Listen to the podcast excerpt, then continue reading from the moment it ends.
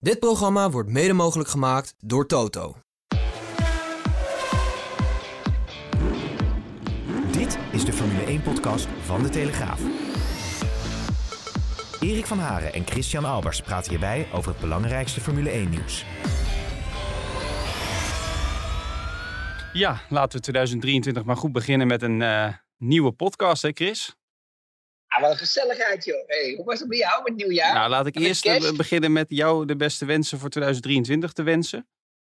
Eh, en gelukkig nieuwjaar. En ook aan ons, al onze luisteraars die hopelijk ook dit jaar weer gaan luisteren. Want we gaan dit jaar eh, zeker door. Dus dit is de, Gelukkig bij deze nieuwjaar. de aftrap. En het, en het is een oneven jaar, dat is voor mij altijd beter, eerlijk gezegd. Stiekem. Want? Ik- Ja, ik weet niet, ik ben altijd zo bijgelovig. Ik vind altijd drie, en- weet je wel, de oneven nummers aan het einde vind ik altijd fijner. Heb je dat niet? Dat heb je niet, daar heb je geen last van. Nee. Nee, Ben je ben jij ook zo'n type die... eh, Je deed ook niet linker sok, rechter doe je ook volume. Schrijf- volume van de tv altijd op een oneven getal dan? Ja, probeer ik wel altijd, ja. Oké. Ja. Nou, Ja. weten we dat ook Maar weer. en als, jij, en als jij een verhaaltje schrijft, doe je dat ook dan anders of niet? Hoe bedoel Als je je? denkt van dit moet echt een heb je geen, eh, je bent niet bijgelovig of iets of wat Nee. dan ook. Nee, totaal niet. Ik had- er lekker gevoel eh, automatisch uit. Dat is wel een lekker gevoel. Ja, heb Ja, je... hey, maar in ieder geval voor jou ook hè, de beste wensen. Dankjewel, Chris. Dat we eh, voorop de gezondheid, dat is het allerbelangrijkste. Voor iedereen allemaal. Daarna ehm, gezelligheid. En het is ook niet onbelangrijk dat we allemaal een beetje geld mogen verdienen. Dus eh, dat zorgt er ook wel een beetje voor. Ik dacht dat, Dat, bij jou op eh, nummer 1 stond. Nou, eigenlijk niet, want ik heb zoveel meegemaakt eh, de, de, de afgelopen jaren. Dat Ja. eh, gezondheid is toch wel het allerbelangrijkste. En dat vergeten we soms wel eens. En Dat is waar. Dat wel, Heb je, heb je goede dagen gehad met je familie? Ja, joh, luister eens, ik mag niet klagen. Ik ben. ehm, we hebben kerst eh, heb met mijn schoonfamilie gevierd. Mijn vader is in Amerika gebleven. Eh, die had ik uitgenodigd, maar die had ik niet zien moeten komen. Ehm, nou, en alles is nog heel. Dus dat, is, eh, dat was eigenlijk het allerbelangrijkste. Ja, want ik zag dat jullie een gingen, nieuwe inrichting. ik zag dat jullie En gingen ik, karten in de buurt. En ik, ik hoorde Max Verstappen pas zeggen bij, volgens mij was het bij de Limburger, dat hij zei van, ehm, dat hij hoopt eigenlijk dat zijn kinderen, van mij, dat, die, dat ze wel mogen karten of in de autosport in mogen gaan eventueel, maar dat hij het niet zo zal doen als zijn vader. Dat hij niet zo, eh, dat ze doen. Maar jij hebt wel eens gezegd in de podcast dat jouw kinderen niet zo geïnteresseerd zijn in autosport en karten en alles wat daarbij hoort. Maar ik zag jullie toch in één keer op de kartbaan staan. Ja, maar dat had een andere reden. Dat is omdat ik twee van die aapjes heb die achterin zitten. En die gingen een beetje stoer eh, praten. Dat ze wel even sneller waren dan Christian Albers en Max Verstappen. En toen dacht ik bij mezelf, toen was ik op een gegeven moment zo klaar mee, Erik. Toen dacht ik bij mezelf, weet je wat we gaan doen? We gaan, eh, we gaan die man eens een keer in een echte kart zetten. In plaats van zo'n huurkatje wat ze ooit vroeger in Monaco hadden gedaan. Dat is zo'n elektrisch ding. Nou, je weet, ik ben helemaal niet eh, van het, eh, dat groene en zo allemaal. Moet ik zeggen dat we steeds meer geforceerd worden naartoe. Maar ehm, environment voorop. Ik dacht, dan moeten ze echt een keer toch, weet je wel, met zo'n serieuze motor eens een keer een rondje rijden. Dus toen had ik geregeld, eh, we zouden naar eh, België gaan. Ehm, ook daar met de familie eh, kerst vieren. En toen heb ik geregeld dat ze in Bergen konden rijden. Op een beetje professionele karts. Niet te professioneel, want ik moest vroeger ook echt met een oude kart rijden. En die stond, mijn vader stond meer te sleutelen aan de kant van de weg dan dat ik kon rijden. En bij hun was het wel goed geregeld. En ik had een jongen gevraagd ook. Dus eh eh neefje van mijn, een van mijn beste vrienden is eh, Martijn Verleeuw. Die is ook wereldkampioen geworden. Is echt een niet normaal talent in de kart. Ehm, en die had ik gevraagd om te gaan te begeleiden eventjes die dag. Want ja, ik, ik kan de rust. Ik heb die rust niet, joh. Ik kan me niet rustig houden. Ik kan me best voorstellen dat Jos af en toe wel eens echt tekeer ging. Ja, op een gegeven moment als je je eigen kinderen ziet rijden... Ja, en die doen gewoon iets verkeerd... ja, dan is het zo moeilijk om je in te houden. Dus ik was blij dat Martijn erbij was. En die kon het gewoon heel rustig uitleggen. Ehm, maar ze, ze zijn een, een tandje lager, zijn ze nu. Ze zijn iets rustiger. Het is iets minder dat stoere, stoere gepraat. Dus eh, ik ben wel blij op het eindresultaat. Maar ik hoop ook, net zoals dat Max... eh, en dat heb ik altijd gezegd... ik hoop gewoon niet dat mijn kinderen willen racen. Als ze willen racen, mogen ze doen, Erik. Maar eh, liever niet. Want eh, ja, de kans dat ze echt eh, doorbloeien naar, echt naar een topteam in de Formule 1... of in de Formule 1 sowieso kunnen komen...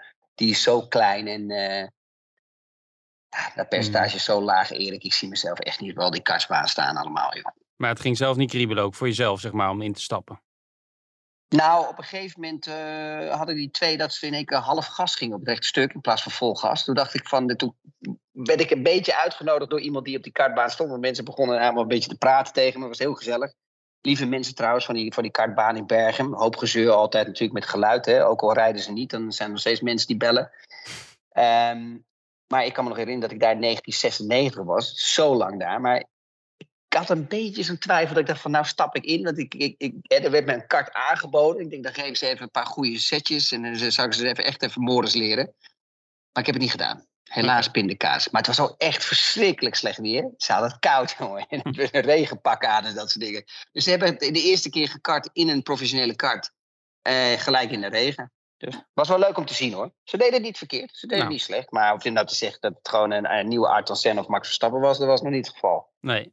Nee, precies. Nou ja, goed om te horen. En eh, je hebt je baard laten staan. Dus eh, ik hoorde net al iemand zeggen hier, eh, ik zal niet zeggen wie, dat je misschien in je midlife crisis zit. Onze, ah, onze grote vriend Hein, die is er gewoon vol bij. Het duurde wel weer een kwartiertje voordat het allemaal, voordat het allemaal in orde, allemaal, in orde was. Hè? Nou Die apparatuur, Digi Hein. Het was, jij zat weer op tijd klaar en je stuurde mij, nou ik wil, niet, ik wil het niet een draaiboek noemen, dat gaat me iets te ver, maar je stuurde me een paar dagen geleden zelfs wat punten op waar we het over zouden kunnen Ja. hebben. Nou, ik denk, wat gebeurt hier allemaal zeg? Je hebt er echt zin in.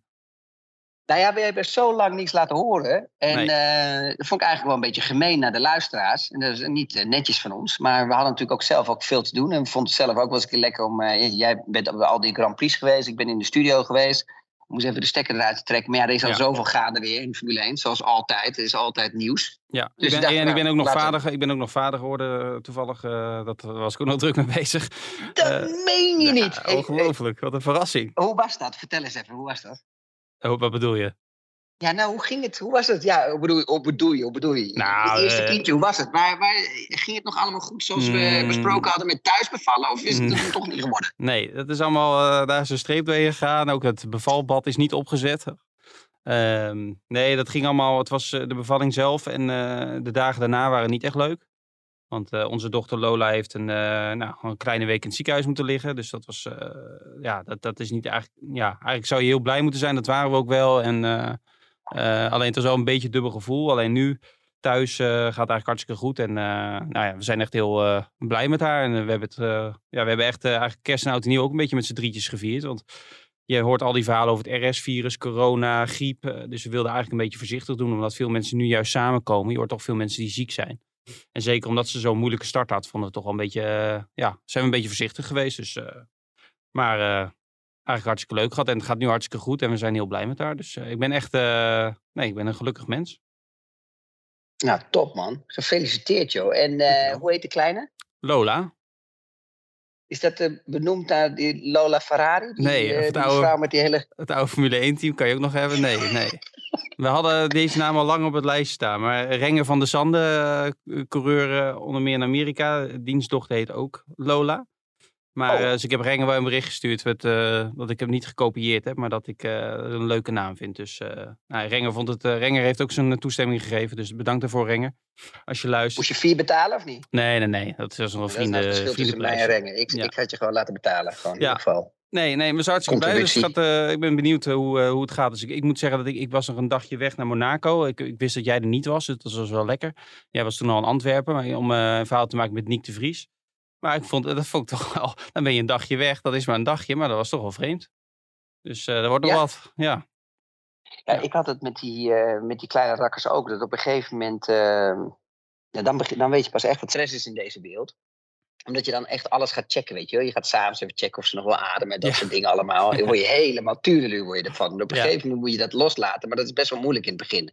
En op een gegeven moment laat je het wel los. En dan, eh, dan, dan zeg je, wat zal wel goed komen. Ja, nee, maar het gaat Eh, hartstikke goed. maar En, ik ben en ik ben ook blij dat ik nu veel thuis ben. Dus dan kun je heel veel samen doen. En mijn vriendin doet het fantastisch. Daar ben ik heel eh, trots op. Oeh, die krijgt wat puntjes, zeg. Ja, lekker. Op de Mijn, maandag. en mijn vriendin, mijn vriendin eh, zei in december, zei ze, want onze dochter is 25 november geboren. Ze zei in december van, ik ben blij dat, je wel een, dat ik nu zie dat je een hart hebt. Ik was zelf ook af en toe een beetje emotioneel. Dus eh, ook goed om een andere kant van mezelf te laten zien, eh interne. Zal ik niet in de podcast zou ik niet gaan huilen hoor. Daar niet, eh, niet te veel vragen. Maar eh, nee, dat is een interessante periode, laat ik het zo zeggen. Hey, je had weer een mooi stukje hè, vanochtend. Of tenminste, gisteravond in de krant zag ik. Ja, Nick de Vries stond vandaag in de krant, maar je, je doet op Stefan, die stopt bij Viaplay.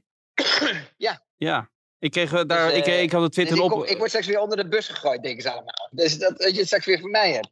Nee, jij vertelt mij nooit al. Want jij hebt mij ook niet verteld dat jij bij Viaplay aan de slag ging. Dat moest ik ook via omweg, eh, kwam ik dat te weten. Dus nee, nee, maar volgens mij had Stefan een mail gestuurd naar alle medewerkers van Viaplay om afscheid te nemen. Of eh, haar vertrek aan te kondigen. Ja, ik weet niet, misschien is hij wel naar 20, 30, 40 man gestuurd. Dus dan weet je hoe het gaat. Hè. Dan, eh, dan lekt dat snel uit. En Stefan eh, eh, deed er ook niet meer. Die heb ik benaderd en die zei, ik, wil, eh, ik, ik kan het wel bevestigen. Dus eh, ik ben benieuwd. Ik, ik kreeg aardig wat vragen op Twitter of jij, het, of jij niet de nieuwe pit reporter gaat worden.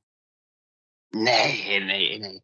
Nee, maar ik, ik, ik, baal er wel een beetje van. Want als ik, ehm, ehm, als ik naar één iemand ga kijken bij Viaplay... ik denk dat je het wel met me eens bent, of tenminste dat hoop ik dan... want anders heb ik gewoon heel verhaal voor Jan, Jan Joker eh, verteld... Dat zijn we is dat, ze gewoon, dat zij wel echt gegroeid is. En ik vond haar echt gewoon heel erg goed. En ehm, het, het, het, het verraderlijke ervan is dat als jij televisie kijkt...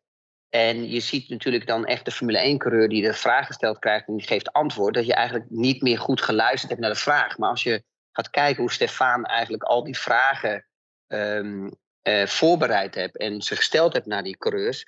Ehm, vond ik het best wel eh, dat ze jouw richting een beetje opging. Weet je, die journalistiek. Tuurlijk, kijk, staat ze niet op dezelfde level als jou, Erik. Hè? Want Nee, het- ja, dat verschil is heel zijn. lastig om Maar- dat te bereiken. dat is heel lastig. Maar ehm, eh, ik vond wel dat ze gewoon echt supergoed was in haar rol.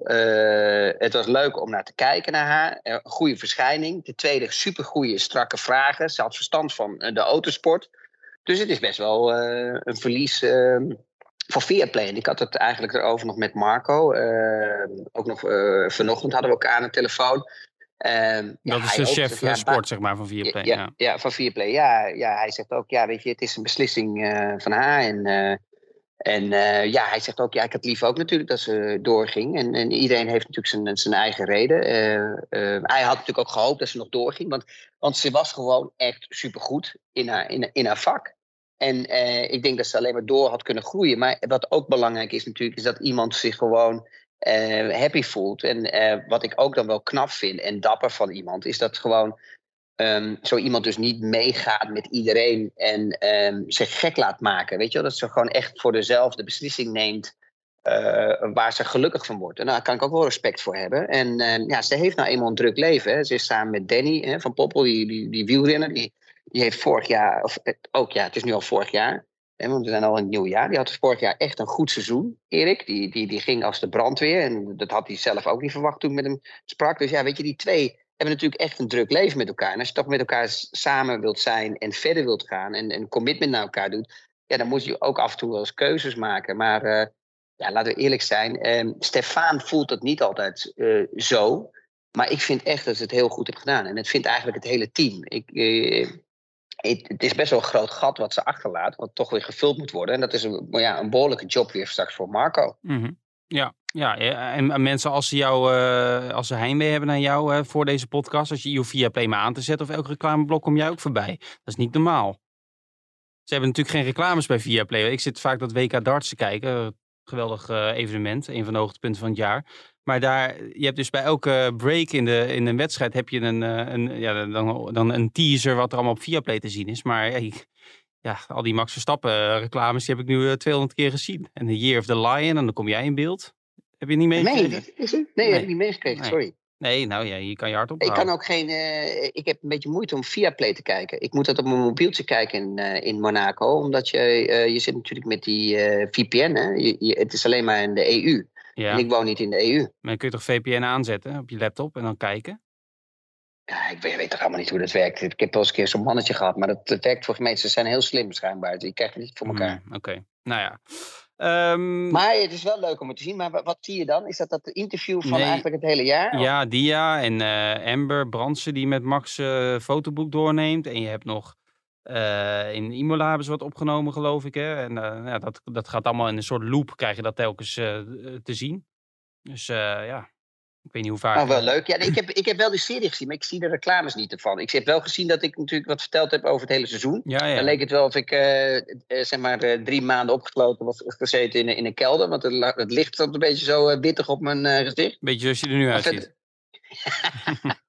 Je wist ook gemeen mannetje. Hé, hey, luister, vertel even wat is gebeurd bij jou in de straat. Voordat we echt Formule Ja, 1 voordat we. Want ik kreeg Wat gebeurde er nou? wat vragen over Formule 1. Daarvoor daar zitten we hier eh, immers voor. Ja, Ja, maar oh, je- even, wat is er nou gebeurd in Ja, jouw ik was- straat? ik was aan- ook een Formule 1 coureur gezien. Nou, toch was ik, ik was aan het bellen met, ehm, voor een verhaal voor de krant eh, vorige week. eh, met, met een gemeenteraadslid in Zandvoort. Dat ging over die rel die, tussen de gemeente, of het college, het gemeentebestuur en, de en de Grand Prix directie. Ja, Ehm, dat is ook weer gedoe, hè? ja, maar die had ik aan de lijn. En toen werd er aangebeld en mijn vriendin deed open. En eh, tijdens het gesprek stuurde ze mij een, een nummer, een 06-nummer van iemand die ik niet kende. Ik denk, wat is dit allemaal? en ik, eh, ik, ik Had je er weer iemand zwanger gemaakt? Nee. En ik, verder, ik, ik stap naar buiten. En zij zegt van ja, je moet even naar buiten. Want eh, er is iemand tegen je auto aangereden. Maar ze zei met een soort lach op haar gezicht. Ehm, dus ik dacht dat het een geintje was. Maar er waren blijkbaar mensen buiten die wisten dat het mijn auto was. Dat was wel fijn. Eh, dus er is toch Zo. wel wat eh, ehm, controle in de wijk. Dus daar ben ik wel blij mee. En er was inderdaad een, iemand die ging verhuizen. Die kwam daar wonen. En die, die vader daarvan, die had, ja, ze hadden een, een bus gehuurd van Avis. En die was vol tegen mijn auto aangereden. Maar was hij, eh, maar was hij lekker... Er zit wel verschillen tussen gewoon achteruit rijden, zeg maar. Of was het vooruit of achteruit? Vooruit, volgens mij. Hij, hij wilde voor mij parkeren aan de zijkant van de weg. En, en daar hij reed vol. Hij kwam tegen dich aan. Maar ja, hoe je dan vol tegen de achterkant van mijn auto... of de linker achterkant of rechter achterkant van mijn auto aanrijdt... is een, raadsel. Maar goed. Het is een leaseauto, dus dat is wel makkelijk. Ja, die wordt eh, toen- begin dan? februari wordt die gemaakt. Ben ik er vier dagen kwijt. En nu dan? Ben je op de fiets? nee, ik krijg gewoon dat ding. Hij kan gewoon rijden. Het is niet dat hij totaal los is of zo. Het is geen Formule 1 crash. Krijg je geen vervanger vervoer? Dat hebben ze natuurlijk Nee, niet. ja, Ze hebben natuurlijk geen auto's waar die stoel zo ver naar voren gaat. Die heb je, al- deze had je en dan moet je opgeschreven. vragen... Ik, eh, ik had er gewoon rijden met dat ding. Er zit alleen een grote kras en een deuk in. Maar goed.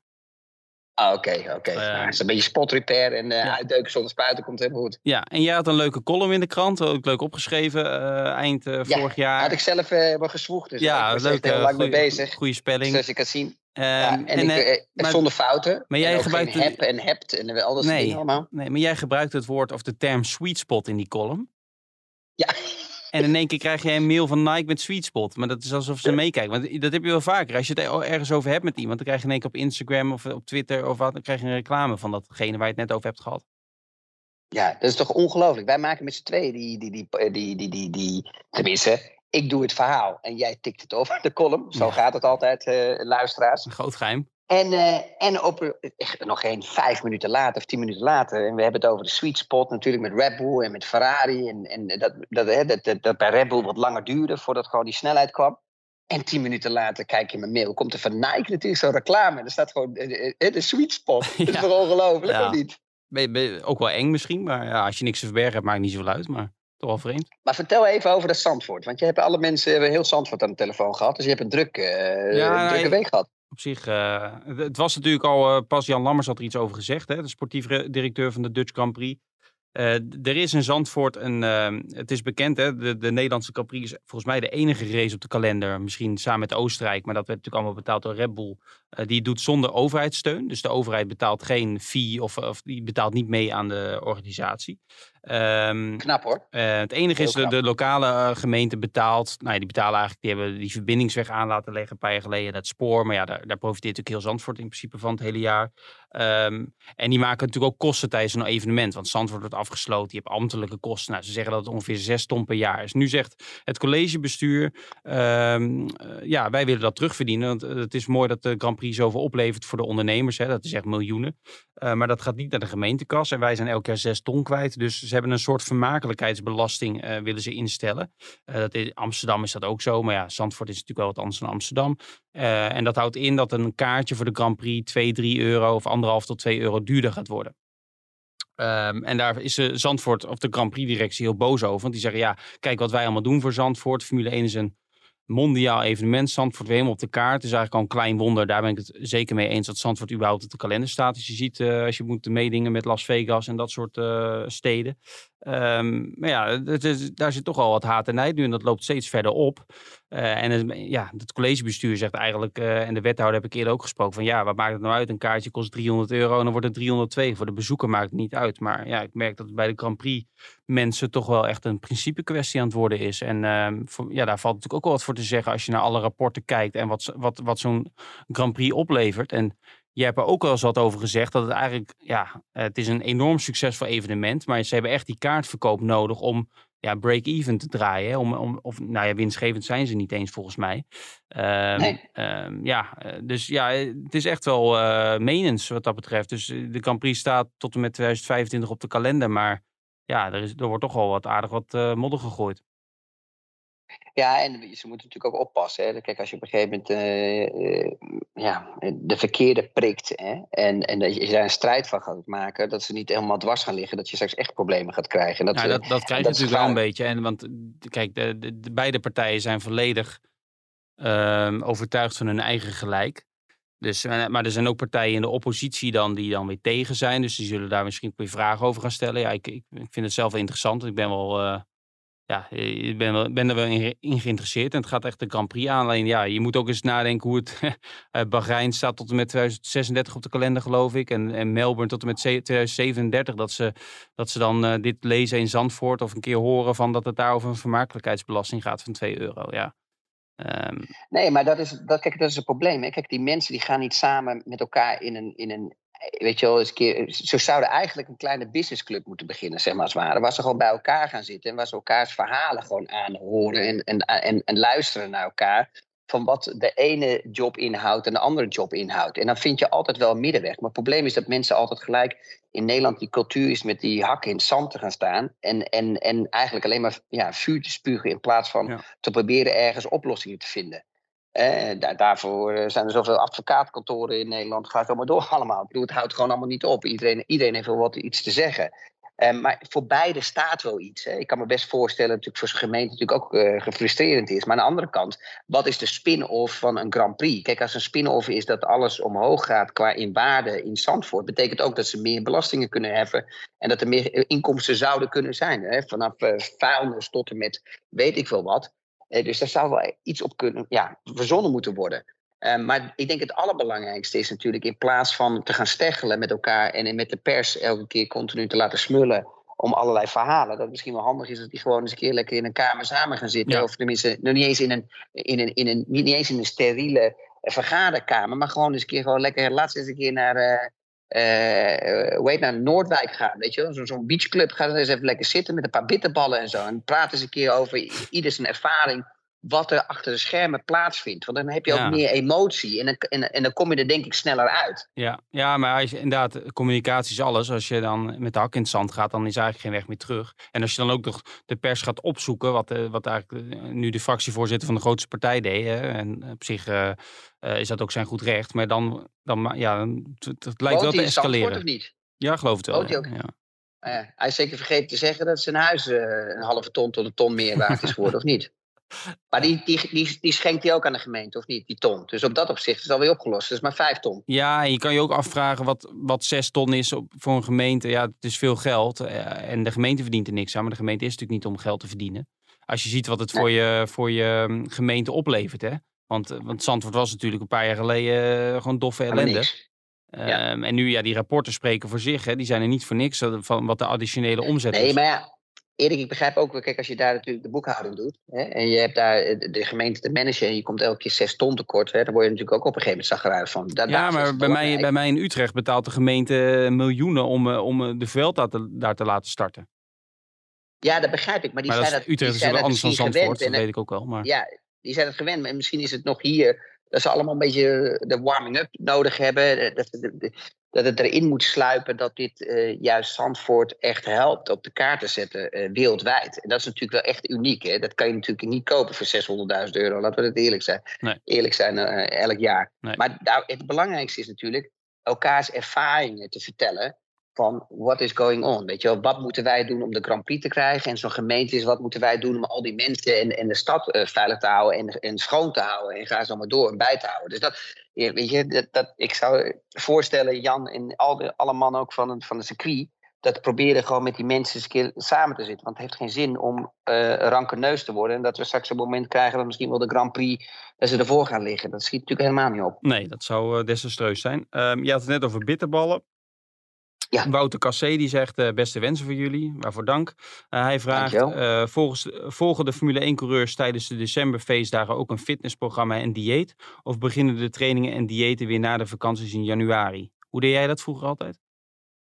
Ja, dat was allemaal na de, gewoon na de vakanties. Weet je. Kijk, het voordeel is als je Formule 1 coureur bent, is dat je zoveel traint, is dat je zoveel verbrandt dat je een week of twee weken lang gewoon alles eten wat je wilt. Uh, niet echt uh, veel verschil maakt in je gewicht. Hè. Misschien kom je een, een kilootje bij of uh, weet ik wat. Maar dat, dat gaat zo snel verbrand je dat weer. Omdat je zo snel in je ritme weer komt. Hè, met, met bijvoorbeeld langdurig hard te lopen, hè, intervaltraining. Ga zo maar door krachttraining. Ja, weet je, je bent zo snel weer op je oude gewicht. Je, je lichaam is dat gewoon gewend. En weet je, wat is, die, wat is die week nou? Of die anderhalve week of twee weken nou? Ja, en je hebt nu ook nog. Waar je niks doet. Het seizoen begint op 5 maart. Je hebt daarvoor nog drie testdagen, allebei in Bahrein. Um, dus dat is nog even. Ik weet van Max Verstappen meestal die. Ja, dit laatste race was 25 november uit mijn hoofd. Alleen, uh, ja, die had daarna nog een testdag. Uh, moest nog naar Japan, moest nog naar Oostenrijk, moest naar het VIA Gala, nog die demo in in Milton Keynes. Dus voordat hij vakantie was, had, is het toch al half december geweest. En die heeft nu vakantie en dan zal hij volgende week of half januari weer beginnen met zijn trainen. En dan heeft hij het ook vrij, vrij snel wel weer op orde. En ik, ik was dus wat ik zei bij Nick de Vries, die is al wel flink aan het trainen, maar die heeft gewoon een achterstand. Uh, omdat hij ja. uh, niet die trainingen en, die, en, die, en hij heeft ook de afgelopen jaar natuurlijk niet in een Formule 2 of zo gereden, maar alleen de Formule E. Of alleen, maar dat is natuurlijk wel iets anders dan een Formule 1 auto. En die gaat die had nu een paar dagen vrij, vijf, nee, tien dagen. En die gaat dan nu uh, in januari ook twee weken met zijn trainer trainen in Dubai. Um, dus die, die is wel echt flink aan het aanpoten al. Want die, ja, je hebt ook gezien hoe die in Monza bij zijn uh, debuut uh, uit de auto kwam. Um, ja, hij moet echt flink aanpoten, want hij is maar 58 kilo. Maar hij legt uit, ik moet net zo sterk zijn eigenlijk als Max Verstappen. Dus in verhouding moet ik sterker zijn. Um, want je, het gaat niet om, je moet niet relatief sterk zijn, maar je moet echt eigenlijk dezelfde krachten kunnen hebben op je nek en op, op de andere delen van je lichaam. Ja, en ik hoop dat hij de juiste trainers daarvoor uh, Ja, hij heeft wel. Dat, hij heeft, dat zou in principe. Hij heeft een hele ervaren trainer. Hij heeft de trainer die ook de afgelopen jaar met Gasly werkte. Die heeft hij gewoon overgenomen, zeg maar. Dus ja. het is niet iemand die nieuw is. Dus die weet wel precies. Uh, ik denk dat, die, dat dat wel heel slim is. Dat hij een beetje hetzelfde team heeft. Ook dezelfde engineers, Gasly. Uh, zelfs dezelfde manager. los daarvan. Maar dat is denk ik wel slim. Dat je niet met een hele nieuwe groep mensen gaat werken. Ook al bij een nieuw team. Ja, ik, ik, ik las het stuk vanochtend. Ik vond het een leuk stuk. Ik, ik, en ik, ik, ik, um, ik las ook het stuk waar in één keer iedereen op hem afkwam. Maar dat is natuurlijk normaal natuurlijk. Als je op een gegeven moment het gevoel hebt natuurlijk dat je, eh, of tenminste de mensen om je heen, dat je weet dat je natuurlijk die sprong kan gaan maken naar de Formule 1, wel of niet. En dan krijg je sowieso altijd wat meer aandacht. En die aandacht, die moet je, die moet je zorgen dat je die naar je toe zet. Uh, want dat is juist mooi. En, en nou, dat doet hij wel. Maar hij bedoelde ja, ook wel mensen, men, mensen, die, mensen die heel kritisch op hem zijn geweest. Die zijn natuurlijk ook geweest dat hij het nooit ging halen en noem maar op. En dat die zich dan nu weer melden bij hem. Poeslief, dat vindt hij natuurlijk een beetje, ja, dan zie je wel hoe schaamteloos mensen zijn, zei hij. Uh, maar, ja. maar gewoon normale aandacht is goed. Alleen het is goed dat je nu een manager hebt die dat een beetje, want je kan er niet als coureur zelf mee bezig zijn natuurlijk. Ja. Nou ja, ik was wel verrast dat hij kiest voor managers die, al, die alweer een andere coureur ook onder zijn stal heeft. Want ik vind dat altijd wel, dat zijn altijd wel moeilijke situaties. Daar had ik nooit voor gekozen. Maar ik had nooit in luxe. Want bij mij was, waren ze nooit geïnteresseerd. Want in, in mijn tijd was het veel meer um, echte Flavio en, en, en de Werner Heinz. En dat soort figuren die echt meer gefocust waren op coureurs die echt in hun eigen land waren. Want daar konden ze veel meer mee doen. Met sponsoring, ga zo maar door. Met, het was makkelijker voor ze. Um, maar kijk, als je natuurlijk straks in de situatie komt um, waar Gasly niet goed presteert hè, bij Alpine. En je krijgt dat soort situaties hè, waar, het, waar het natuurlijk uit de hand kan lopen met Ocon en met Gasly. Want ja, die twee die houden dus echt absoluut niet van elkaar. Dat, dat is echt gewoon echt, uh, die haten elkaar. Ja, dan zit je op, dat kan best wel zijn natuurlijk als je een jaar hebt gereden, je hebt het heel goed gedaan bij Alfa Tauri. Dan wil je toch proberen natuurlijk, en als je kijkt naar zijn leeftijd, wil je zo snel mogelijk natuurlijk doorgroeien. Dat is wel ja, belangrijk. Maar ja, je weet ook niet wat er intern bij Red Bull gebeurt. Hè? Perez uh, Um, maar ja, Perez heeft twee jaar verlengd. Hè? Dus daar hebben we het eerder over gehad. Ja. Dus die zit nog twee jaar vast. Ja. In principe. Maar je weet, ja, je hebt bij Ricciardo bij McLaren gezien dat contracten ook afgekocht kunnen worden. Als we het toch even over ja. Nick hebben. Chaco Keizer vraagt, of die zegt eigenlijk. Ik weet zeker dat Nick de Vries zijn teammaatje Yuki Tsunoda het stront voor de ogen zou rijden. Want wat Yuki het laatste jaar heeft laten zien was natuurlijk bar slecht. Hoe denken jullie daarover? Nou, goed statement in de vraag.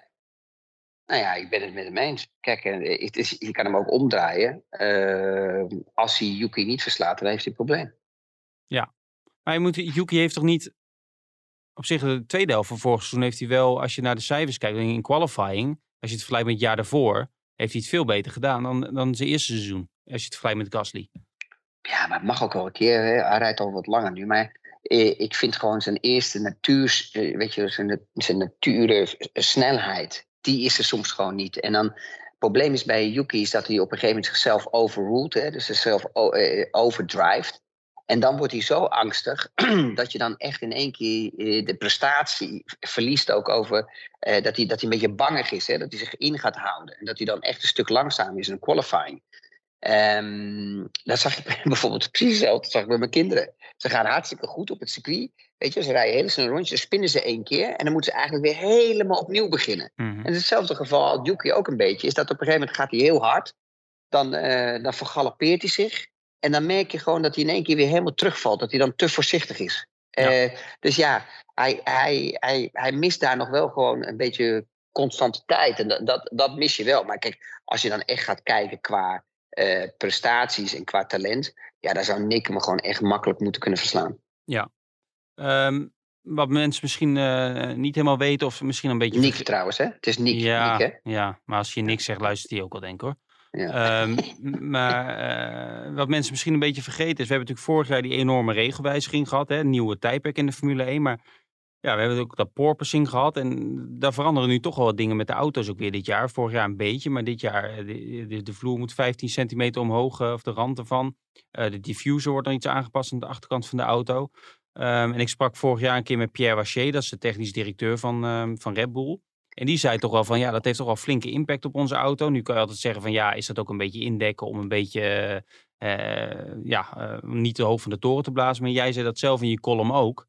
Uh, die heeft misschien niet iedereen gelezen. Dus kun je eens uitleggen ja, hoe groot die impact zou kunnen zijn? Want ja, je weet niet, nog niet precies hoe groot die is per team. Nou ja, dat is best wel. Uh, ja, het is gewoon een compleet andere filosofie. Uh, dus ja, je moet zeg maar zo zien. Natuurlijk is dat natuurlijk uh, dat, dat vloereffect wat we gehad hebben vorig jaar. Um, daar wil je eigenlijk zo laag mogelijk rijden om zoveel mogelijk uh, uh, downforce te creëren. Dus des te lager je de auto zet, des te meer zuigkracht je krijgt. En des te meer je eigenlijk op de, op de grond wordt uh, ja, gezogen. Nou, daar heb je op een gegeven moment ook een effect gehad dat het te veel werd. Dat, je, dat die te veel naar beneden werd, zeg maar, zware gezogen. En dan met een beetje oneffenheid en een moment van een bepaalde uh, hoeveelheid kilo downforce kan je een popping effect krijgen. Hè? Dus dat stuiteren, dus dat je eigenlijk downforce krijgt. De downforce weer eigenlijk uh, verliest en dan weer krijgt. Hè? Daarvoor krijg je het stuitereffect. Hè? Dat kan uh, door meerdere factoren komen. Hè? Kan door een bump komen, kan door ook zelfs de auto komen met downforce. Dat je op een gegeven moment een, een stolmoment krijgt en dat hij weer omhoog komt en weer eigenlijk zeg maar weer de wind erop krijgt. Dus dat, dat is dat zuigeffect. En als je dan op een gegeven moment de rijhoogte gaat verhogen van een auto, ja, dan krijg je een heel ander zuigeffect. Want, want dan sta je te ver van de grond. Um, dus je, je krijgt ook een hele andere uh, level qua auto, ook downforce levels in de, in de windtunnels. Ja, en dat gaat wel, dat gaat wel uh, significant uh, verandering brengen van al die, alle Formule 1 teams. En dat kan naar mijn principe meer een voordeel opbrengen richting Mercedes. Ja. En richting Ferrari, want die hadden toch wel meer last van drag. Nou, wat gebeurt er als je ook minder downforce creëert en krijgt?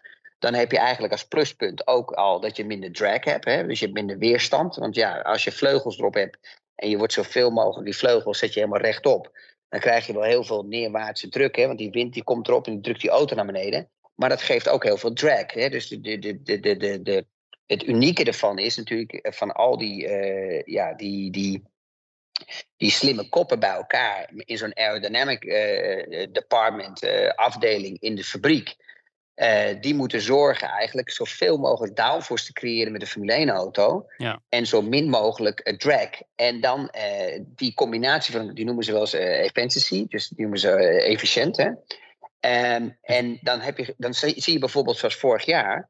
Dat bijvoorbeeld de Red Bull niet op alle circuits en bijvoorbeeld in qualifying altijd de snelste was. Maar als je dan gaat kijken, het gemiddelde pakt, hadden zij gewoon eigenlijk de minste weerstand op de rechte stukken. Hè. Daardoor liepen ze zo gruwelijk hard. Hè. Met de combinatie misschien ook met de motor wat updates. Maar ik denk dat de motor niet het meest gebracht heeft. Meer echt gewoon de auto. Ik denk dat de auto Ja. echt heel goed was. Dat zeggen ze zelf. ook. En, ja. En als je dan kijkt bijvoorbeeld hè, naar Ferrari en een, en, een, en een Mercedes, dat die zoveel downforce hebben, ook zoveel drag, dat die zoveel langzamer waren op het rechte stuk, dat die calibratie, hè, dus dit noemen we ook wel eens de sweet spot, zowel met afstellen, hè, dat je de juiste grip hebt voor en achter, wat een coureur fijn vindt, maar ook een sweet spot kan je ook noemen bijvoorbeeld hè, de, de hoeveelheid downforce en de hoeveelheid drag die je hebt, dat je die vindt. Nou, en dat, en dat dat was, had Red Bull gewoon heel erg goed voor elkaar. Maar als je dan nu gaat kijken naar nieuwe reglementen. En zowel de diffuser, die creëert minder downforce. En zowel dat je de rijhoogte ook eigenlijk omhoog gaat. Ja, dat, dat is eigenlijk dubbel op. Ja, dat is eigenlijk compleet weer uh, uh, alles nieuw maken achter de tekentafel. Natuurlijk heb je wel een concept. En het positieve van de teams is die achteraan reden, is natuurlijk dat en eh, zowel Ferrari en Mercedes wel konden afkijken welke richting ze op moeten gaan voor dit jaar. Alleen in zo'n seizoen denk, zeggen mensen wel eens: ja, maar Chris, waarom doen ze dat niet in een seizoen? Het probleem is dat je al een bepaalde vorm hebt, in die auto, hè, in die monokok, in die neus. En dat kan je niet zomaar meer veranderen. Die monokok kan je niet halverwege het seizoen smaller maken, of breder maken, of hoger of lager. Dus die airflow die er overheen gaat, ja, er zit een andere vorm in. Dus die komt ook overal anders uh, terecht op die sidepods of terecht op die achtervleugel, of terecht op de, op de engine cover, mhm. of terecht bijvoorbeeld al eh, eh, op de splitter. Kijk, en dat zijn wel um, dingen waar ze nu wel een richting hebben. Hè. Ze hebben kunnen afkijken bij Red Bull, maar niet uh, in dat seizoen konden kopiëren. Maar nu kunnen ze er wel naartoe werken. En dat is ook de reden dat je vaak ziet bij nieuwe reglementen. Mensen zijn altijd heel enthousiast. Alleen je ziet dan vaak dat de verschillen in een eerste jaar best wel groot zijn. Dat hebben we nu ook gezien. Maar dat gedurende de seizoenen, dat met de redelijk dezelfde reglementen, dat het veld wat meer naar elkaar toe groeit. En natuurlijk hoop je dat ook met de topteams. En uh, kijk, je hebt bijvoorbeeld aan het eind van vorig seizoen ook gezien dat Mercedes een paar races heel sterk was. Alleen dat was natuurlijk wel uh, ook wat jij aanstipte op bepaalde circuits, hè, Mexico en uh, iets mindere mate Brazilië, dat ze, of nou ja, ook in sterke mate Brazilië, dat waren juist circuits die op hoogte lagen. Dus dat lag die Mercedes natuurlijk goed. Uh, maar je wil natuurlijk naar een auto toe, wat Red Bull had, wat, dat, die eigenlijk op elk circuit sterk is. En zeker vorig jaar na, na de tweede, of na de zomerstop, of eigenlijk al iets voor de zomerstop, was Red Bull natuurlijk heer en meester. Um, en ja, dan zie je ook dat de coureur nog het verschil kan maken, want we hebben natuurlijk jaren gezien dat Mercedes dominant was en dat het altijd Hamilton Bottas was 1 en 2, ook in qualifying, ook was andersom. Maar nu zag je eigenlijk het verschil tussen Verstappen en Perez natuurlijk super groot was. En dat verwacht ik komend jaar ja, weer. Maar dat, ja, maar, maar dat is ook echt het kaliberverschil in, in twee coureurs. Maar het mooie ervan, om even terug te haken van Mercedes. Ja, daar kan je dus bijvoorbeeld zien, bijvoorbeeld eh, bij die ijle lucht in, in, in Mexico, in Brazilië, waardoor dus eh, de hogere hoogte eigenlijk rijdt. En waardoor die lucht dus eigenlijk uh, veel dunner is. Nou, dan zie je eigenlijk dat hun afstelling eigenlijk het hele seizoen stiekem, dat ze dus gewoon echt veel te veel drag hebben gehad. Dus je, je merkt in één keer dat ze veel competitiever zijn geworden op die circuits. Dat betekent dus dat ze ook automatisch minder drag hadden. Dus ze gingen ook harder op de rechte stukken. En ja, dan zie je dus dat Mercedes moet werken eigenlijk naar een auto die dus, dus meer die richting op gaat. Zowel Mexico als Brazilië. En daar hebben ze wel heel veel van kunnen leren. Ja. Erik Oosterbeek vroeg nog, zal um, Adrian Newey wederom de tovenaar van de Formule 1 worden. Uh, natuurlijk de ontwerper van de Red Bull auto. Um, ja, je zei al naar de tekentafel, dus hij moet ook weer terug. Hij is ook weer teruggegaan naar de tekentafel. En juist, dat heeft hij natuurlijk al een tijd geleden gedaan. Want je bent natuurlijk al heel lang bezig met de auto voor 2023. En deze periode ja, staat de drukte natuurlijk volop in de fabrieken. Uh, ja, Newey heeft natuurlijk ook een heel team om zich heen. Het is niet alleen Newey, ook Vacher, die ik net noemde, is volgens mij heel belangrijk. Um, maar dat, dat zie je toch wel vaak bij Red Bull, hè, dat ze toch wel echt hele goede mensen in, in, in huis hebben. Want ze hebben natuurlijk ook nog die handicap van minder windtunneltijd. constructeurskampioen heeft dat sowieso al. En ze hebben natuurlijk die straf nog gekregen na het uh, overschrijden van de budgetcap. Ja, en de vraag is natuurlijk, hè, hoeveel voordeel hè, uh, heb je gewonnen in het begin van het seizoen? Um, helpt dat mee in dit nieuwe jaar? Of uh, uh, heb je zoveel pech um, en heb je zoveel door, krijg je zoveel nadeel door de straf die je krijgt nu met de windtunnel?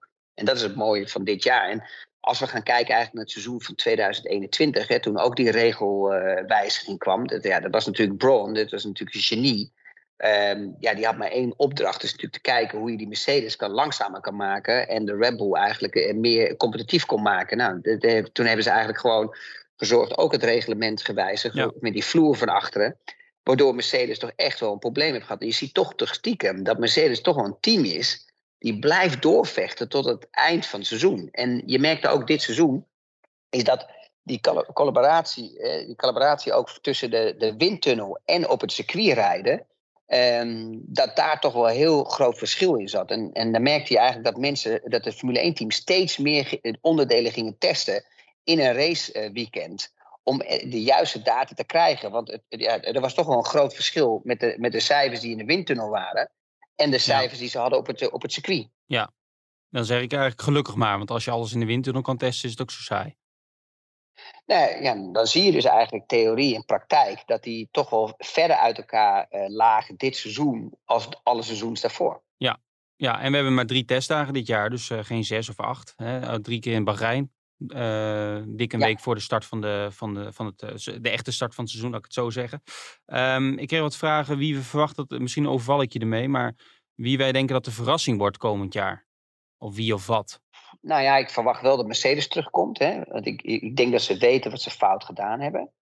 Um, als ik kijk naar de uh, fight spirit, hè, de vechtlust die ze gehad hebben door zo'n heel seizoen heen, vind ik dat ze echt gewoon uh, redelijk competitief zijn geworden. Natuurlijk kwamen ze toch wel veel tekort natuurlijk aan het eind van het seizoen. Maar je ziet bijvoorbeeld zo'n race als in Mexico en Brazilië. Daar hebben ze toch wel echt een, een meetpunt gekregen. Hè, wat echt fout is aan de auto en waar ze moeten verbeteren. Uh, toch nog een overwinning. Hè? Niet slecht. Uh, dus ik verwacht daar heel veel van. Ja. Dan verwacht ik stiekem ook nog wel van Ferrari. Die hebben ook veel geleerd. Uh, ja, en dan, en dan krijgt de Red Bull een beetje straf. En dan is, en dan is de vraag natuurlijk...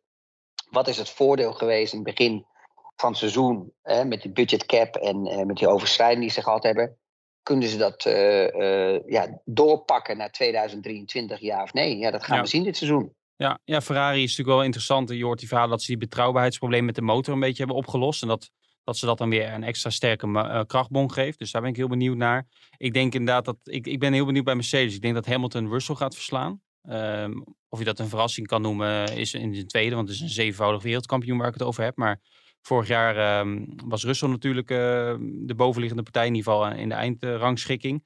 Um, ik ben ook heel benieuwd ja, naar... qua punten. Ja, qua punten, ja, daarom zeg ik eindrangschikking. Maar dat vind ik altijd best wel moeilijk. Want, want die gesprekken heb ik ook wel eens gehad, ook in de studio. Hè, daar hadden we het over Ocon en hadden we het over Alonso. Ja. Daar waren wij het ook met z'n tweeën eens. Natuurlijk zijn andere analisten, ja, maar Ocon heeft beter gedaan, meer punten. Dat klopt ook wel. Maar als je meer uitvalbeurten hebt. Ik bedoel, ja, Nico Rosberg is ook wereldkampioen geworden. Omdat, uh, ik geloof wel vijf, zes keer de motor geploft is van Lewis Hamilton. En als je dan ziet hoeveel punten je verloren hebt, ja, dat is mm. natuurlijk dan wel pijnlijk. Als ik ga kijken naar uh, ten eerste de kwalificatieduels. Um, dan vind ik toch echt dat Lewis echt de veel betere was. Uh, vergelijkbaar met Russell. Ten eerste, Russell heeft absoluut geen druk. Dus die, die kan gewoon lekker relaxed zichzelf zijn. Omdat hij naast een zevenvoudig wereldkampioen staat. Dus in principe zou dat extra performance, extra prestatie moeten geven. En de tweede, um, als je dan gaat kijken naar Lewis Hamilton. Die, die krijgt natuurlijk meer druk. Hè. Er komt een nieuweling. Dus die moet je laten zien dat je de snelste bent. Dus er staat toch wel weer meer druk op je, op je systeem. Um, en als je dan gaat kijken naar de kwalificatieduels. Heeft Lewis daar gewonnen. Hè, die was beter, aan de betere hand toch, Erik? Jij bent echt de cijfersman, oh. geloof het wel. Hè? Met, één, ja, met één of twee, één qualifying, geloof ik. Uh, was hij beter, of twee. Voor, ik weet het niet uit mijn hoofd. Moet ik ja, en, dan, en, en, en ik vind dat Lewis wel heel veel pech heeft gehad met bepaalde uh, safety car situaties. En uh, misschien ook wat pech dat hij aangereden was, ga zo maar door. Dus als ik daar ga kijken, vond ik Lewis ook de betere van het team. Ik vond Alonso ook de betere van het team, vergelijkbaar met Ocon. Zo, dus het is nu net een beetje, tuurlijk, eh, resultaten die, uh, die staan altijd keihard zwart op witte papier. Ja. Hè? Wie haalt de meeste punten? Uh, maar je moet wel als, als kenner en analisten wel naar kijken qua prestaties, qua snelheid. Of het, of het eerlijk is en reëel ja, is. Je hebt gelijk, hè? Hamilton won van Russell als je naar de qualifying kijkt. Um, en verrassing aanstippen nu vind ik nog wel lastig, omdat je nog niet echt weet uh, hoe de auto's ervoor staan. Misschien dat we daar naar de eerste race wat meer over kunnen zeggen. Maar er is wel denk ik veel om naar uit te kijken. Je hebt Alonso bij Aston Martin, uh, Nick de Vries, uh, Piastri bij McLaren. Zes sprintraces, of je daar nou naar uitkijkt of niet. Mensen toch iets anders. een race in Las Vegas. Dus er is wel veel om, toch veel anders komend jaar. Nou ja, ik ben, ik ben ook heel benieuwd naar Piastri. Hè. Die is zo gehyped. Dat heeft Mark Webber goed gedaan. Die, is nu zijn, die doet zijn management. Um, snel een deal getekend met McLaren. Ik denk dat hij de juiste keuze uh, op dat moment gemaakt heeft. Want uh, zo positief zag het niet uit bij Alpine op dat moment om daar een zitje te krijgen. Dus ik denk dat hij de juiste keuze uh, gemaakt heeft. Nee, omdat dat van Alonso zo laat bekend werd, zeg maar, voor ja, die deadline. Ja. ja. Ja, en dat risico konden ze nooit nemen. Kijk, als jij natuurlijk in de Formule 1 wilt komen, dan moet je het zorgen natuurlijk dat je gewoon de eerste mogelijkheid, uh, de kans die ja. voorbij komt, die moet je grijpen. En uh, ja, dan kan je niet zitten wachten van als, als, als, als de ander wel doorgaat. Ja. Dus uh, daar hebben ze de juiste keuze van gemaakt. Maar ik, ik, ik heb het gevoel dat hij iets te veel gehyped wordt. Um, um, dan dat echt zijn talent waard is. Maar ja, dat gaan we zien natuurlijk dit seizoen. Dat wordt natuurlijk gewoon spannend. Want ik, ik, ik, ik zie uh, Norris gewoon echt heel hoog. Die heb ik echt heel hoog zitten. Want ja, als je gewoon gaat kijken naar zijn natuurtalent en de snelheid die hij heeft. Dat was natuurlijk ook nog eens een keer de dubbele pech van, uh, de dubbele pech van, uh, van Ricciardo. Is dat hij ook nog eens een keer naast een Norris kwam te zitten. Ja, ja. Dat deed natuurlijk extra pijn. Het zou leuk zijn als een van die teams ook weer een stap kan maken. Want we hebben vorig jaar eigenlijk maar los van de top drie teams, maar één keer Norris heeft één keer op podium gestaan en verder helemaal niemand van andere teams, zeg maar. Dus, en dat hebben we de jaren daarvoor wel gezien. Ja, en ik ben ook wel benieuwd hoe het team zich verder gaat ontwikkelen. Hè. Maar kijk, uh, uh, um, Seidel gaat natuurlijk naar, naar Sauber. Uh, dat heeft natuurlijk alles te maken. Ten eerste vindt hij het fijner, denk ik, om weer gewoon terug te zijn in Europa. Want toch in Engeland is toch anders wonen en is toch een andere cultuur. Uh, maar ook natuurlijk, uh, hij wordt natuurlijk de, de, de, baas, denk ik, bij Sauber. Maar ook Audi, natuurlijk stiekem ja. direct, ja, indirect bij Audi. Dus ik denk dat Audi hem ook wel daar neerzet. Uh, en dat heeft de familie Rousing ook al gedaan. Hè. Die hebben natuurlijk toch al uh, zoveel procent verkocht, 75 procent geloof ik, voor 500 miljoen team. Dus dat was een goede investering van meneer Rousing. Die, had het, die, had, die heeft het goed gezien.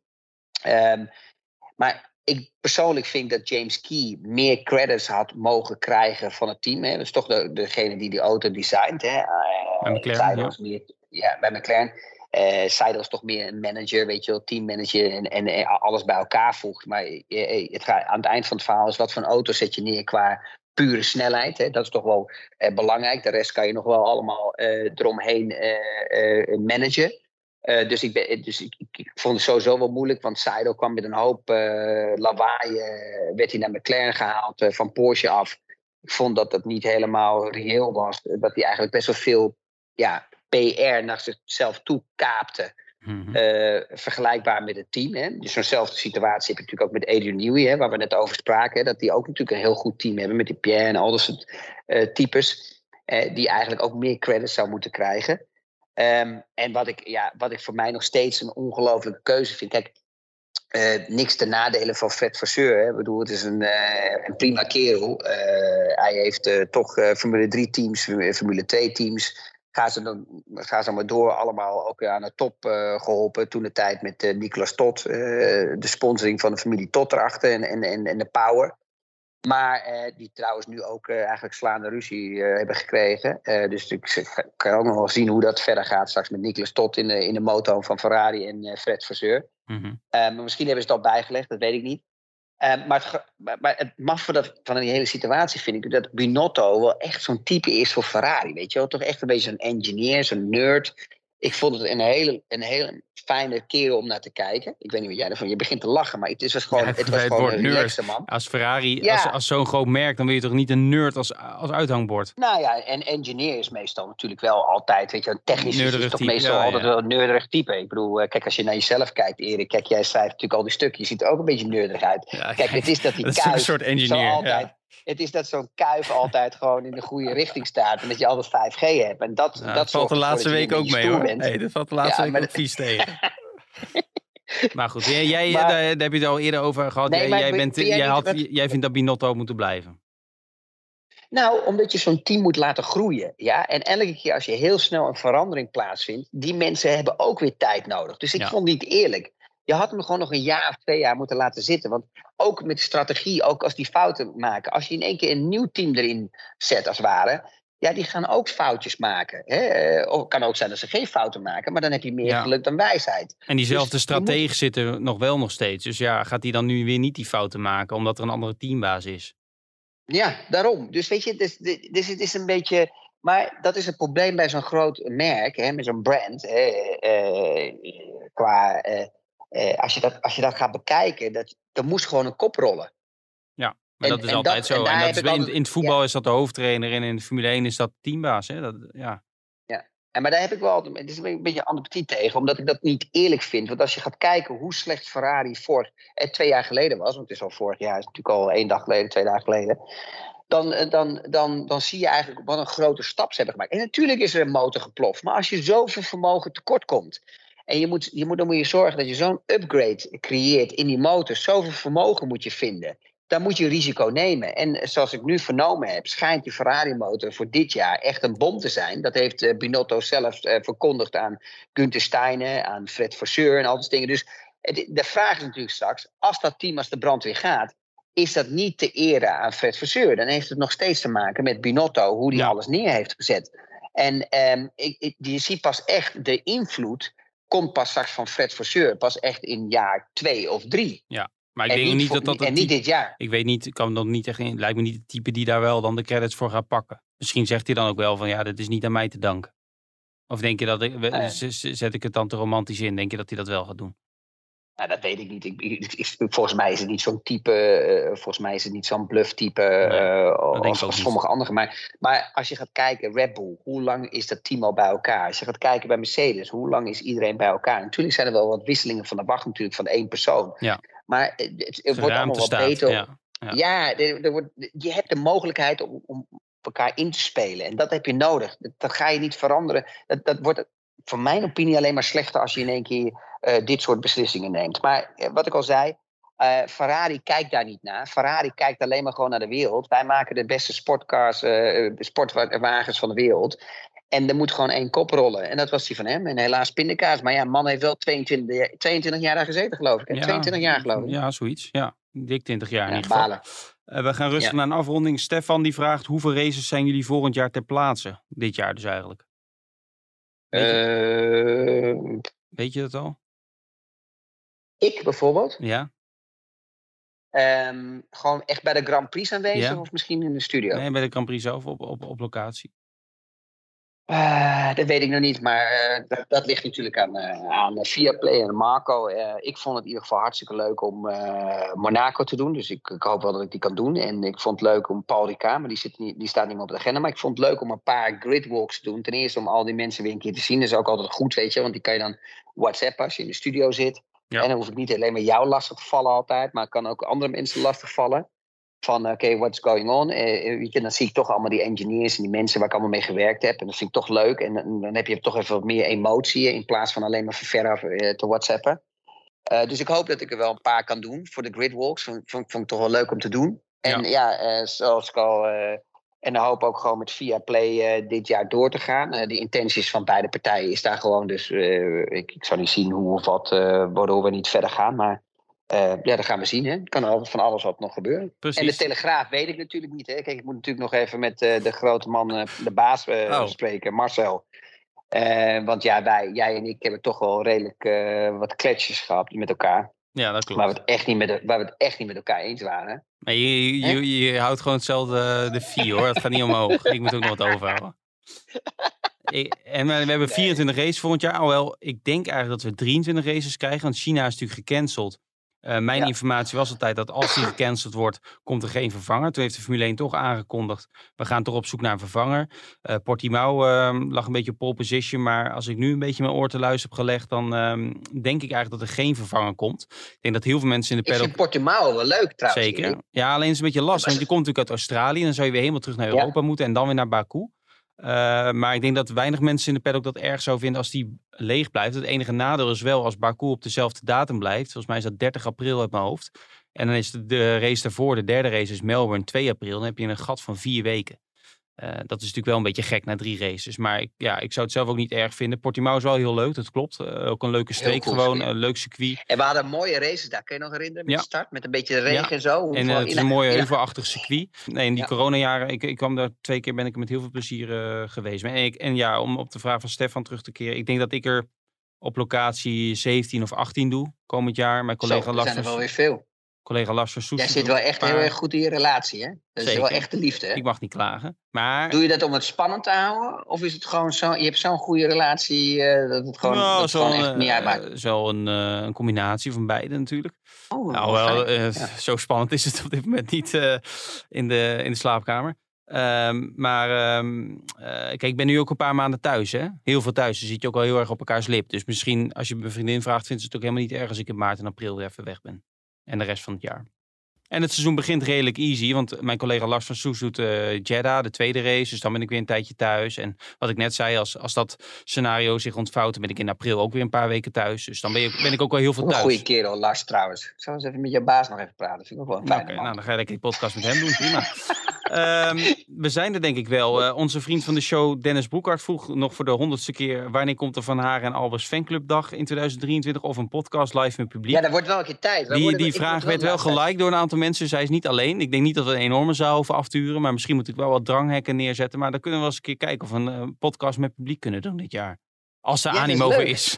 Niet dat we in een lege Ja. zaal zitten met twee Ja. mensen. Dat is een beetje pijnlijk. Ah joh, kom. Anders nodigen onze families uit. Komt goed. Doe toch een beetje photoshoppen, dat het gewoon helemaal vol staan. Doen. Dat doet heel Nederland meestal altijd. Dat is het programma's. Daarom, ja. Hey, eh, had jij trouwens eh, dat stukje gezien? Eigenlijk is eh, eh, die Adrian Newey had een interview gegeven. Ik kan me niet meer herinneren voor wat, maar over het milieu en zo, environment. Waar hij het even sprak over die elektrische auto's. Dat hij toch dat hij niet begrijpt dat, toch, dat we die richting opgaan.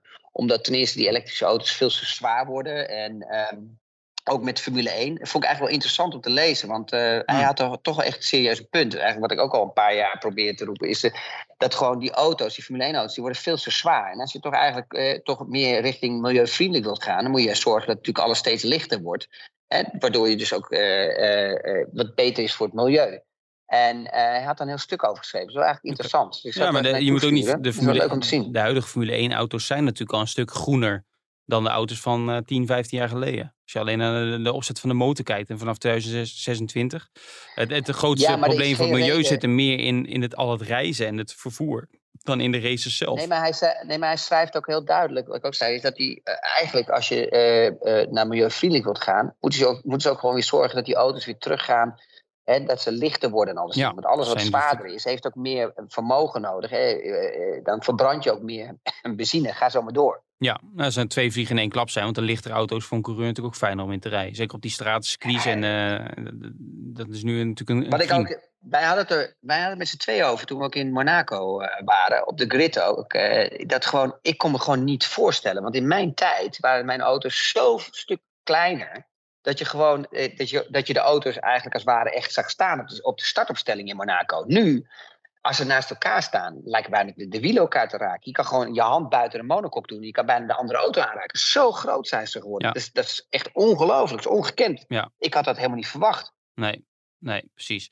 Nou ja, ehm, ik denk dat we er binnenkort wel een keer zijn. We moeten nog even een, eh, kijken wanneer. Maar ik denk eh, voor de echte liefhebber is dit misschien al een lekker uurtje om de tijd door te komen. Ehm, bedankt ook voor alle leuke reacties die we krijgen. Want jij, eh, Chris, jij krijgt ook veel leuke reacties. Dat was je helemaal niet gewend al jarenlang. Dus dat is ook voor jouw eigen eh, ego eh, goed. Ik wil ook nog even een bedankje doen aan de, aan de persoon die ik op nieuwjaarsdag tegenkwam. Toen ik even een rondje aan het wandelen was. Die mij aansprak eh, ter hoogte van Café Kanaalzicht in Utrecht. Dat die het, eh, en die complimenteerde ons met de podcast. Dus eh, Oh, leuk. ik weet niet wie het was, maar eh, bedankt daarvoor. Ehm, ja, en als je dit een leuke podcast vindt, laat gewoon een lekkere eh, positieve recensie achter. Hè? Want we krijgen ook wel eens negatieve recensies. Daar doen we natuurlijk helemaal niks mee. Maar die positieve recensies, die willen we hebben. Hè, Want tegen kritiek kunnen we niet. Die negen, maar dat vind ik, dus- ik ben zo blij dat die negatieve recensies lekker bij jou aankomen. Ja, Heerlijk. heerlijk. Nou ja, goed. En ik ga volgende week ga ik naar Mexico. Dus ik ben benieuwd hoe, hoe ik daar word ontvangen na de hele Perez-hype rond eh Brazilië. Ah. Dus eh, nou ja. Hoezo ga je naar Mexico dan? Ik ga naar de Formule E, over eh, groen gesproken. Op uitnodiging een paar dagen. En dan eh, ben ik drie, vier dagen weg. Maar eh, de- daar, daar heb je natuurlijk hele nieuwe auto's. Die hebben ze pas getest. Volgens mij waren de coureurs er niet heel erg enthousiast over. Eh, ik ben ook niet heel enthousiast over de klasse zelf om naar te kijken. Maar om er te zijn en voor een reportage. En met Robin Freins natuurlijk die daar rijdt. is het wel een mooi, mooi moment in januari om dat te doen. Dus ik ben heel benieuwd. En leuk, leuk voor hem, maar ik vind die klasse ook echt verschrikkelijk. Ja. Ik zag ze rijden in Monaco ook. De eerste paar jaar moesten ze alleen maar op regenbanden rijden. Er was echt gewoon compleet geen temperatuur in die, in die slicks. Moet je nagaan hoe slecht die auto dan moet zijn geweest. Ja, ik vind het echt allemaal een beetje overdreven. Ik vind het echt helemaal niks. Nou, ik zal de boodschap eh, overbrengen naar de Maar als ik jou daar. was, zou ik gewoon een, eh, een dubbel paspoort eh, aanvragen. Weet je, zo'n stakelijk paspoort. Dat als ze die ene innemen daar heb in twee. Mexico, dan kan je altijd met die andere nog vluchten. Ik heb er twee, ik neem ze allebei mee. Oh, je hebt er al twee? Ja. Bluff Ja, ik ben- heb je 80 euro betaald Ik heb het allemaal voor weer... tweede? Nou, ik weet niet of ik het zelf betaald heb, maar Oeh. we Marcel weer even bellen. Maar Wat goed, een blitskikker ben jij, joh. Hey. Je hebt gewoon twee paspoortjes. heerlijk. Ehm, Goed voor elkaar. ik denk dat we er wel zijn, Chris. Ik wens, ik wens jou nog even een fijne periode met je gezin eh, in Antwerpen. Jij ook, hè, met je nieuwe aandienst. Met Ja. Lola. Ja, ik hoop dat alles lekker, lekker gewoon eh, gaat lopen. En, eh, kan je lekker doorslapen trouwens, of niet? Ehm, nou, Aan meest- kuif te zien is het half-half, 50-50. Ik heb vannacht goed doorgeslapen, maar meestal doe ik de nachtvoeding. Maar dat, en dan slaap ik 's ochtends, eh, zeker nu, ik had nu niet zoveel afspraken. Ik heb, ik heb ook officieel nog vakantie. Ehm, dus dan ga ik 's ochtends nog even een paar uurtjes liggen. En Ja. Lola slaapt ook top. door alle verbouwing heen, dus dat is ook fijn. Helemaal top. Nee, zijn ze al klaar of niet? Nee, nog niet. Maar het eind het is in gevoel dat zicht. ze al tien verdiepingen bovenop gezet Ja, hebben zo. ik weet ook niet allemaal. Nu, eh, volgens mij komen ze allemaal problemen tegen. Maar het, het, het valt nu eh, redelijk mee, dus daar zijn we erg blij mee. Dus eh houden zo. En binnenkort... Misschien is het krijg je nog helemaal een weekendje weer. Misschien krijg je weer zo'n weekendje ergens. Dat is echt ongelooflijk. Je bent de eigenaar. enige in de hele wereld die ik ken. Die gewoon door een aannemer. Nee. Die neemt alleen maar aan. Door de eigenaar, door de eigenaar van het appartement, eh, niet door de aannemer zelf. Maar goed. Die aannemer die zou wel gepusht hebben bij die Ja, eigenaar. nou luisteren en Christian Albers Hey, eh, is beste luisteraars, eh, hoofdstuk de beste wensen voor twee. Luister mij ook eens een keer wat zeggen, joh. Beste, beste, beste luisteraars. een gelukkig nieuwjaar 2023. eh, vooral gezondheid. En ook eh, succesvol in je carrière. Erik, jij ook bedankt weer voor deze podcast. Heb je nog één eh, vraag stellen nog? Sorry dat ik je onderbreek. Eh, heb je Ja, nog goede voornemens? Nou, gezond blijven en dat we hopen dat we ook weer wat mogen verdienen. Dat zou fijn zijn. Ja, Ja. Dat, dat is een combinatie van elkaar. Ja, altijd. Maar meestal heb- zeggen ja, mensen ja, niet ben- meer ik- drinken, heb- ik heb- roken, hardlopen. Nee, want ik ben al een beetje begonnen. Ik doe dat, ik noem het de intermediate fasting. Ja, oh ja, intermittent nog? fasting. En, en, en dat gaat lekker. Ik, tenminste, ik hou een beetje. Het is wel fijn om een keer. Het zit gewoon lekker in zo'n broek en zo'n overhemd en zo. En ik met- hou dat gewoon lekker vol. Met kerst ook ingehouden en zo met eten. Nou, ietsje minder, maar het ging redelijk. Ging redelijk. Oké, nou we zien het eh, resultaat vanzelf terug op Ja, televisie. jij hebt dat niet nodig. Ik weet niet wat jij in je maag hebt zitten, maar dat is iets chemisch of zo. Een soort kernreactor of zo.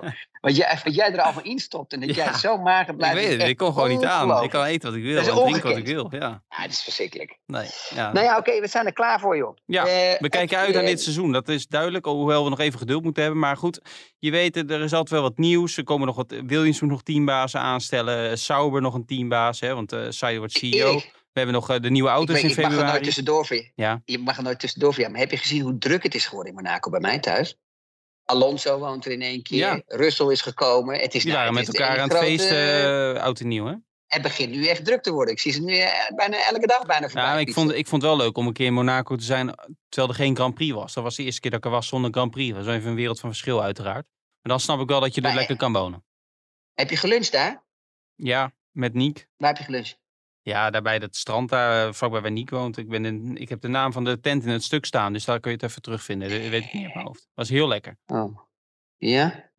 Je kijkt er Ja. heel... eh, Ja, omdat ik het strand het is dus dat weer te min en voor jou. dus- Ja, ik heb er gewoon binnen gezeten. Je kan er gewoon binnen zitten, bij het strand, zeg Oh, ik. heb je bij Marco gezeten? Marco? Ja, Marco's heet dat. Nee, nee, nee. Het staat in het stuk. Je hebt het toch gelezen? Waarschijnlijk heb je het niet, heb je al in de kop gescand. nee, nee, nee, eh, daar, heb ik over, daar heb ik overheen gelezen. Ja. Maar gaan we kijken. Maar Zo, ja. je, bent weer, je bent weer slecht uitgenodigd. Nou, Ja. de volgende keer neem ik je mee. Oké, Ja? nou, we, we Ze kijken... hebben daar ook een McDonald's namelijk. Oh, dat is fijn. Kijk eruit. Ja, die, de- die heb je de afgelopen week in Antwerpen ook gevonden, zie ik.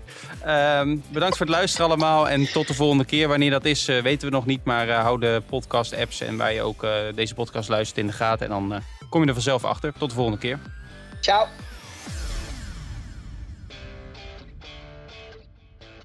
Dit programma werd mede mogelijk gemaakt door Toto.